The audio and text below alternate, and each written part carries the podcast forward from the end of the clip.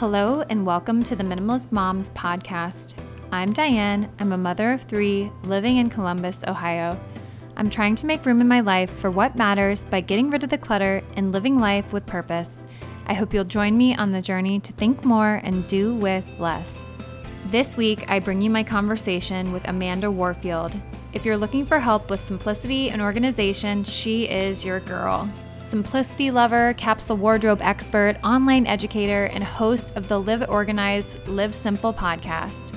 Most days you can find her curled up with a good book and a giant mug of coffee, daydreaming about Disney, or snuggling with her cats and husband. On today's episode, Amanda will specifically speak to common mistakes that women make when creating their capsule wardrobes, which is perfect because we just discussed creating our own capsule wardrobes on last week's episode with Courtney Carver. Before we get to the interview, I encourage you to pause this episode, head over to iTunes, and leave a rating and review.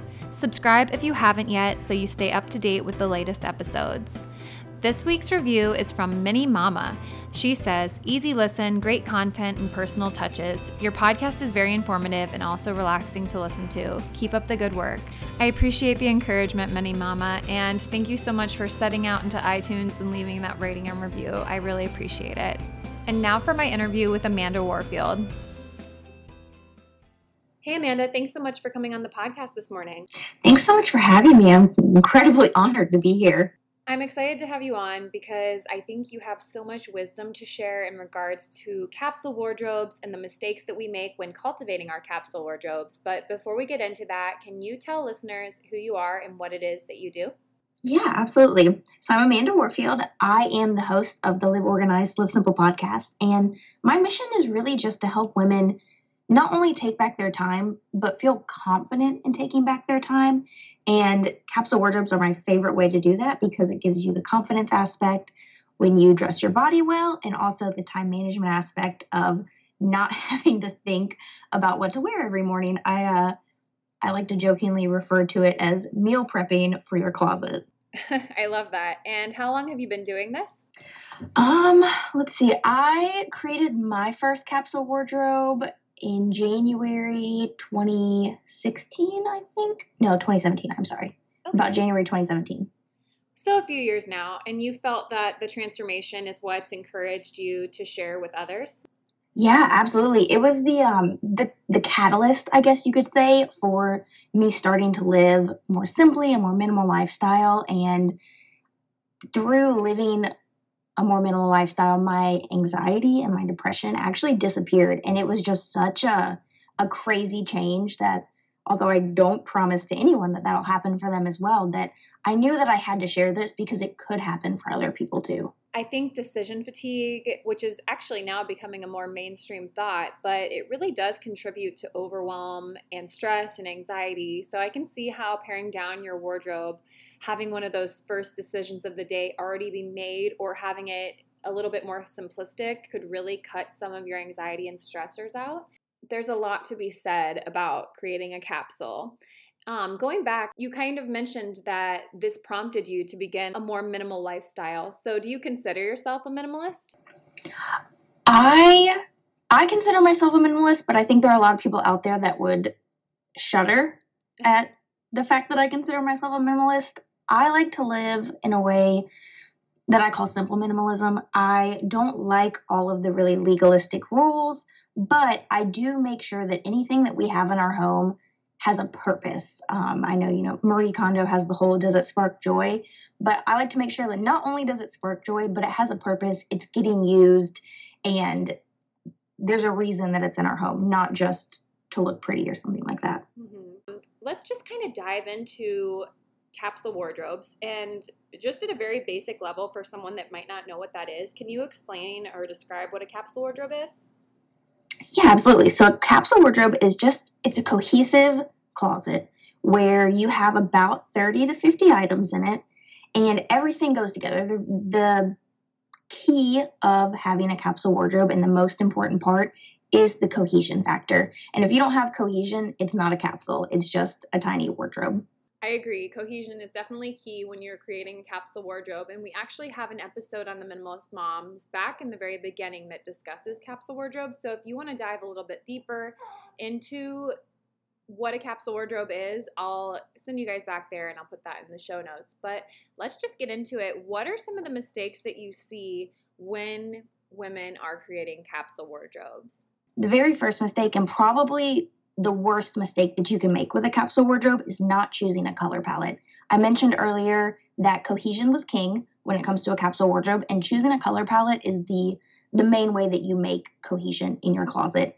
I like to choose one main neutral, either black or navy blue, and then you pick one or two accent colors that go with that neutral, and that's your color palette. And you have, in general, the same colors throughout your entire capsule wardrobe, which allows you to literally pick any top and any bottom and put them on without having to think, which goes back to the decision fatigue, like you were saying earlier. When you're working with your clients, will you lean into a certain color palette that complements skin tone, or is that something that you just don't really consider?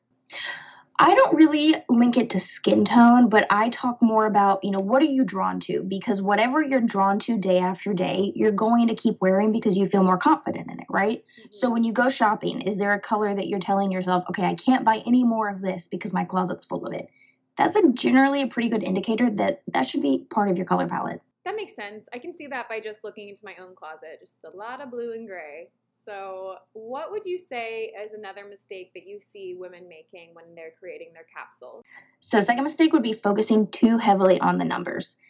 You know, I gave a number 30 to 50. That's a pretty wide range. And I also do have a free download where I give women a range of different, how many different tops, how many different bottoms, things like that. But the thing about a capsule wardrobe, just like with minimalism in general, is that it is going to be different for everyone. You know, some women may not want to wear dresses at all, some women might want to have more dresses. It really just depends on you and your lifestyle, your personal style, again, the color palette, all of those things.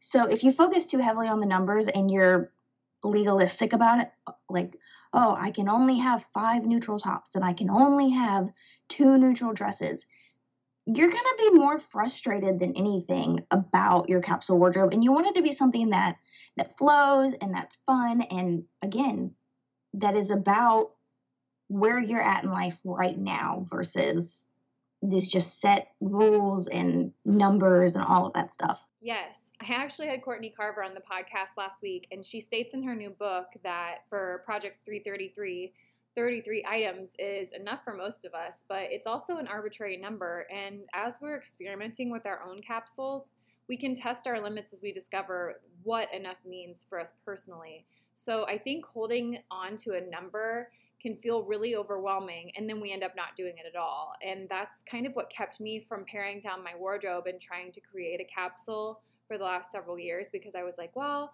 I need to have this exact number or else I'm doing it wrong. But I think we have to remember that we aren't being graded. Capsule wardrobes are really intended to make our lives easier and not more difficult. Right, absolutely. And I I mean, I picked 30 to 50 because honestly, when you've got the cohesion factor, you don't need as many items, mm-hmm. but you can have as many as you want as long as you're creating that cohesion. That's really what makes it's so powerful to have a capsule wardrobe is the cohesion factor. So what's another tip that you have for us? So the next one is not understanding your body type. Each body type is different and something that I know I used to struggle with when I went shopping would be how overwhelmed I felt. Every time I walked into a store, there are so many choices. How do I know what to wear? How do I know what looks good? And then you you pick this entire pile up, take it to the dressing room and you hate everything on your body. And that is so frustrating. But knowing your body type helps you realize that when you go shopping for something, you understand when you walk into the store that not everything in that store, not every piece of clothing is made for you because everything is fit to a different body type. There are four body types, and throughout that store, there are going to be different things that fit your body type really well. And then there's going to be a lot of stuff that doesn't because it fits the other three body types well. I'm almost six feet tall, and I have tried to get away with wearing rompers in the past, but it's just not going to work for me like it would on someone a little bit shorter. So I can definitely see how body type would be taken into consideration as you're kind of putting these pieces together and creating cohesion. So, what would you say is the next mistake that you see? All right. So, number four, you lose quality by trying to save money. With a capsule wardrobe, you're going to wear your clothes over and over and over again, right? Which means they're going to get washed over and over again. So, if you're going to Forever 21 or TJ Maxx or whatever, you're sacrificing the quality of the item, which means that you're going to have to replace it more quickly. So up front, it seems like you're saving money, but in the long run, you're just wasting money because the the clothing one, it's not going to look great on you. Is let's face it, higher quality stuff is going to hang better on your body.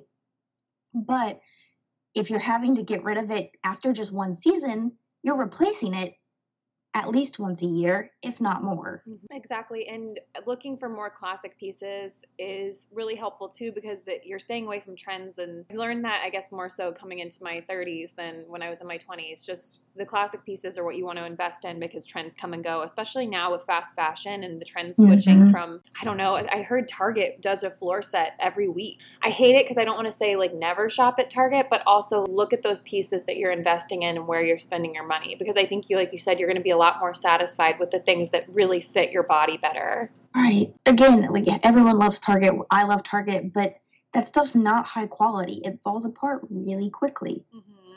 And you're wasting your money replacing it year after year. Yeah. Yeah. Even a couple times a year. So I, I could definitely see how that's a big mistake that we make. What is another one? So, not considering your lifestyle. If you're not considering your lifestyle and you're just trying to pick out stuff that's cute, you're going to really struggle to get dressed because it's not right for what you're doing that day. If you're a stay at home mom and you look in your closet and you only see dresses and stuff that's more formal, it's going to be really hard for you to find something that is going to allow you to crawl on the floor with your kids or run around and do errands or whatever it is that you're doing on a daily basis. So you have to consider what you're doing and really tailor your wardrobe to that. And what about number six? Okay, so number six is trying to copy someone else. And by this, I just mean trying to just take what someone else has created in their capsule and do it exactly in yours. If you go to Pinterest right now and you type in capsule wardrobe, you're going to get a lot of hits about the staple items you need for a capsule wardrobe. And you need a white button down and these specific jeans and this and that. And I think those, not to offend anyone, but I think all those posts are really bogus because, again, you have to consider your lifestyle, your personal style. Like, what do you actually feel good in? If you, you know, if you see someone else saying that you need a white button down in your capsule wardrobe, but you don't like the way that you look in a white button down or the way that it feels, you're never going to wear it. So it'd be silly to copy it from someone else. Mm-hmm. So you have to really consider your personal style, your lifestyle, your color palette, your body type, all of these different things that make your capsule wardrobe yours. Otherwise, you're just going to get bored. Mm-hmm. And that defeats the whole purpose of creating a capsule wardrobe. Mm-hmm. And you're just spending extra money on things that you're not going to end up wearing. You may think, like, right. oh, maybe I want to be this person that wears the white button down. But then when you get it home and maybe you wear it once or twice, but it's like, eh, this is not really who I am. And then you've wasted money bringing something in that really never, you should never have purchased in the first place. Exactly. Yeah. Okay. What is your last tip for us? All right. The last tip or the last mistake is trying to aim for perfection. And this goes back to you're trying to get it down to the exact numbers. You're trying to finish it and do it once and be done with it. But just like your body is ever evolving, your personality is ever evolving, your life is ever evolving, your capsule wardrobe should be too. This is not a set it and forget it kind of thing. And there's no reason to feel like you need to rush and do it all and get it just right and never have to worry about it again. It's going to be changing. It's going to take some time to create the right capsule wardrobe for you, and that's okay. Mm-hmm. Do you, where do you suggest people start? Like, how would I just go upstairs right now and begin to do this? Very first thing to do is to go through, try everything on. And I know that's really overwhelming, but start with just this season. So, winter, take out all your winter clothes, try everything on, and really look in the mirror and decide do you love it? Does it make you feel confident? Does it fit you well? Do you enjoy wearing it? And if you love it, keep it. And if not, declutter it. And that's the very first step. Get your closet down to stuff that you love and that does make you feel really confident. Mm-hmm. do you suggest we have input if we have a spouse or a best friend or a sister or someone to give input, or do you really want us to be making these decisions on our own? Honestly, I think if you just can't decide, you can ask, but truthfully, if it's something where you're not where you're struggling to decide, it's probably a no. If it's not an immediate yes, it's probably not something that you need to keep anyways. Mm-hmm. Um, and I often find that if I ask my husband's opinion, he'll tell me something looks good on me. But just because it looks good on me doesn't mean that I feel confident in it. There might be, you know, the sleeves feel weird or I just don't like the way that it falls against my my waist or whatever. You know, just because someone else thinks it looks good on you doesn't mean that it makes you feel confident. And then if you're not enjoying wearing it, it's going to just sit in your closet and then it's just taking up space. That's really good advice. I had someone once come over and she, it was my most opinionated friend, and I was like, hey, can you tell me there's, there's these handful of items that I'm not quite certain, and we went through it together. But I think that you're right. Making sure that it's something that we really feel great in will make us wear it more often and we'll feel more confident with our capsule wardrobes when we've really cultivated and curated something that really fits us with all of your tips that you've given. Yeah. Well, do you have anything else you'd like to share in regards to capsule wardrobes? This has been really wonderful. I think a capsule wardrobe can be really daunting and scary to a lot of women, but it doesn't have to be. Mm-hmm. It doesn't have, like, you don't have to be a perfectionist about it. You don't have to do it all at once. Um, you don't have to cut out shopping forever. You don't have to be stuck in the same three colors forever. You can switch it up in the next season.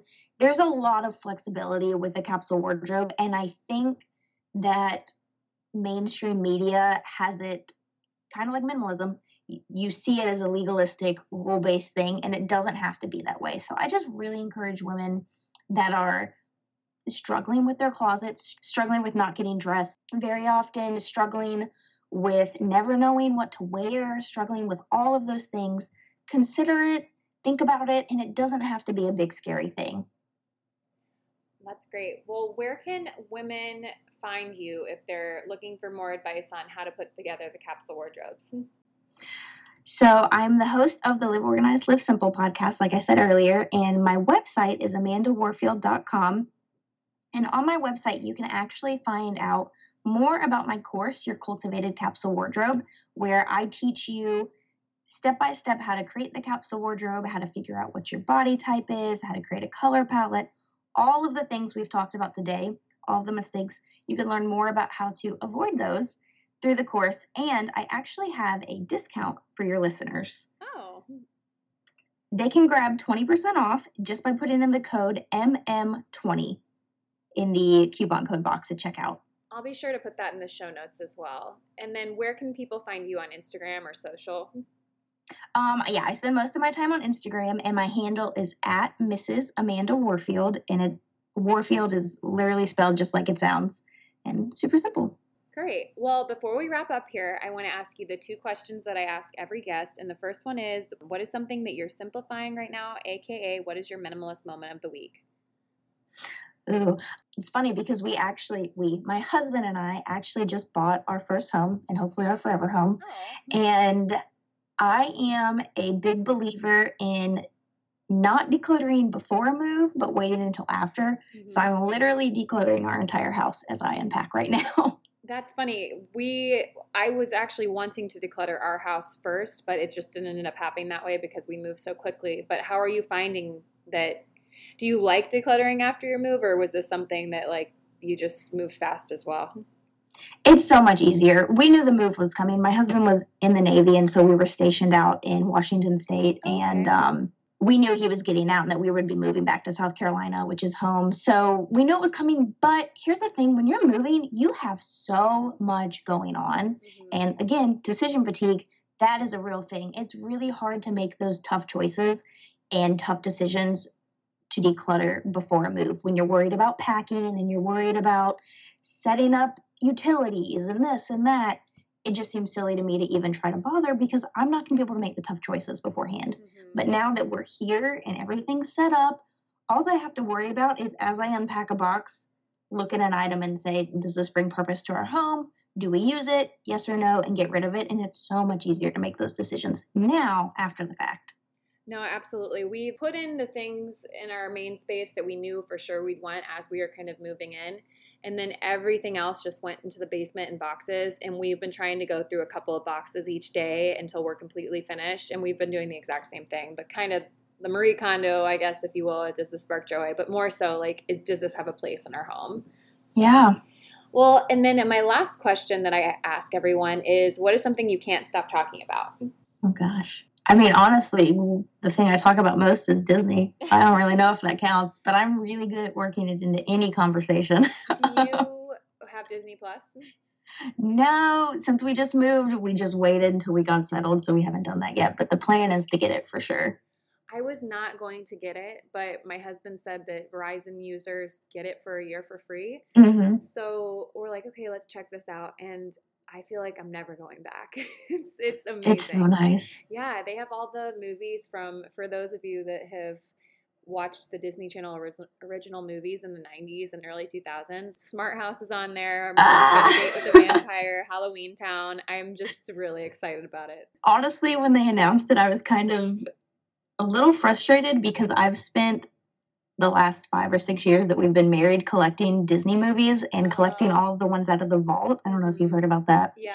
And I literally got the very last one we needed out of the vault because they're on like seven year cycles. Mm-hmm. And then a month later, they announced Disney Plus, and I was like, dang it, I just finished.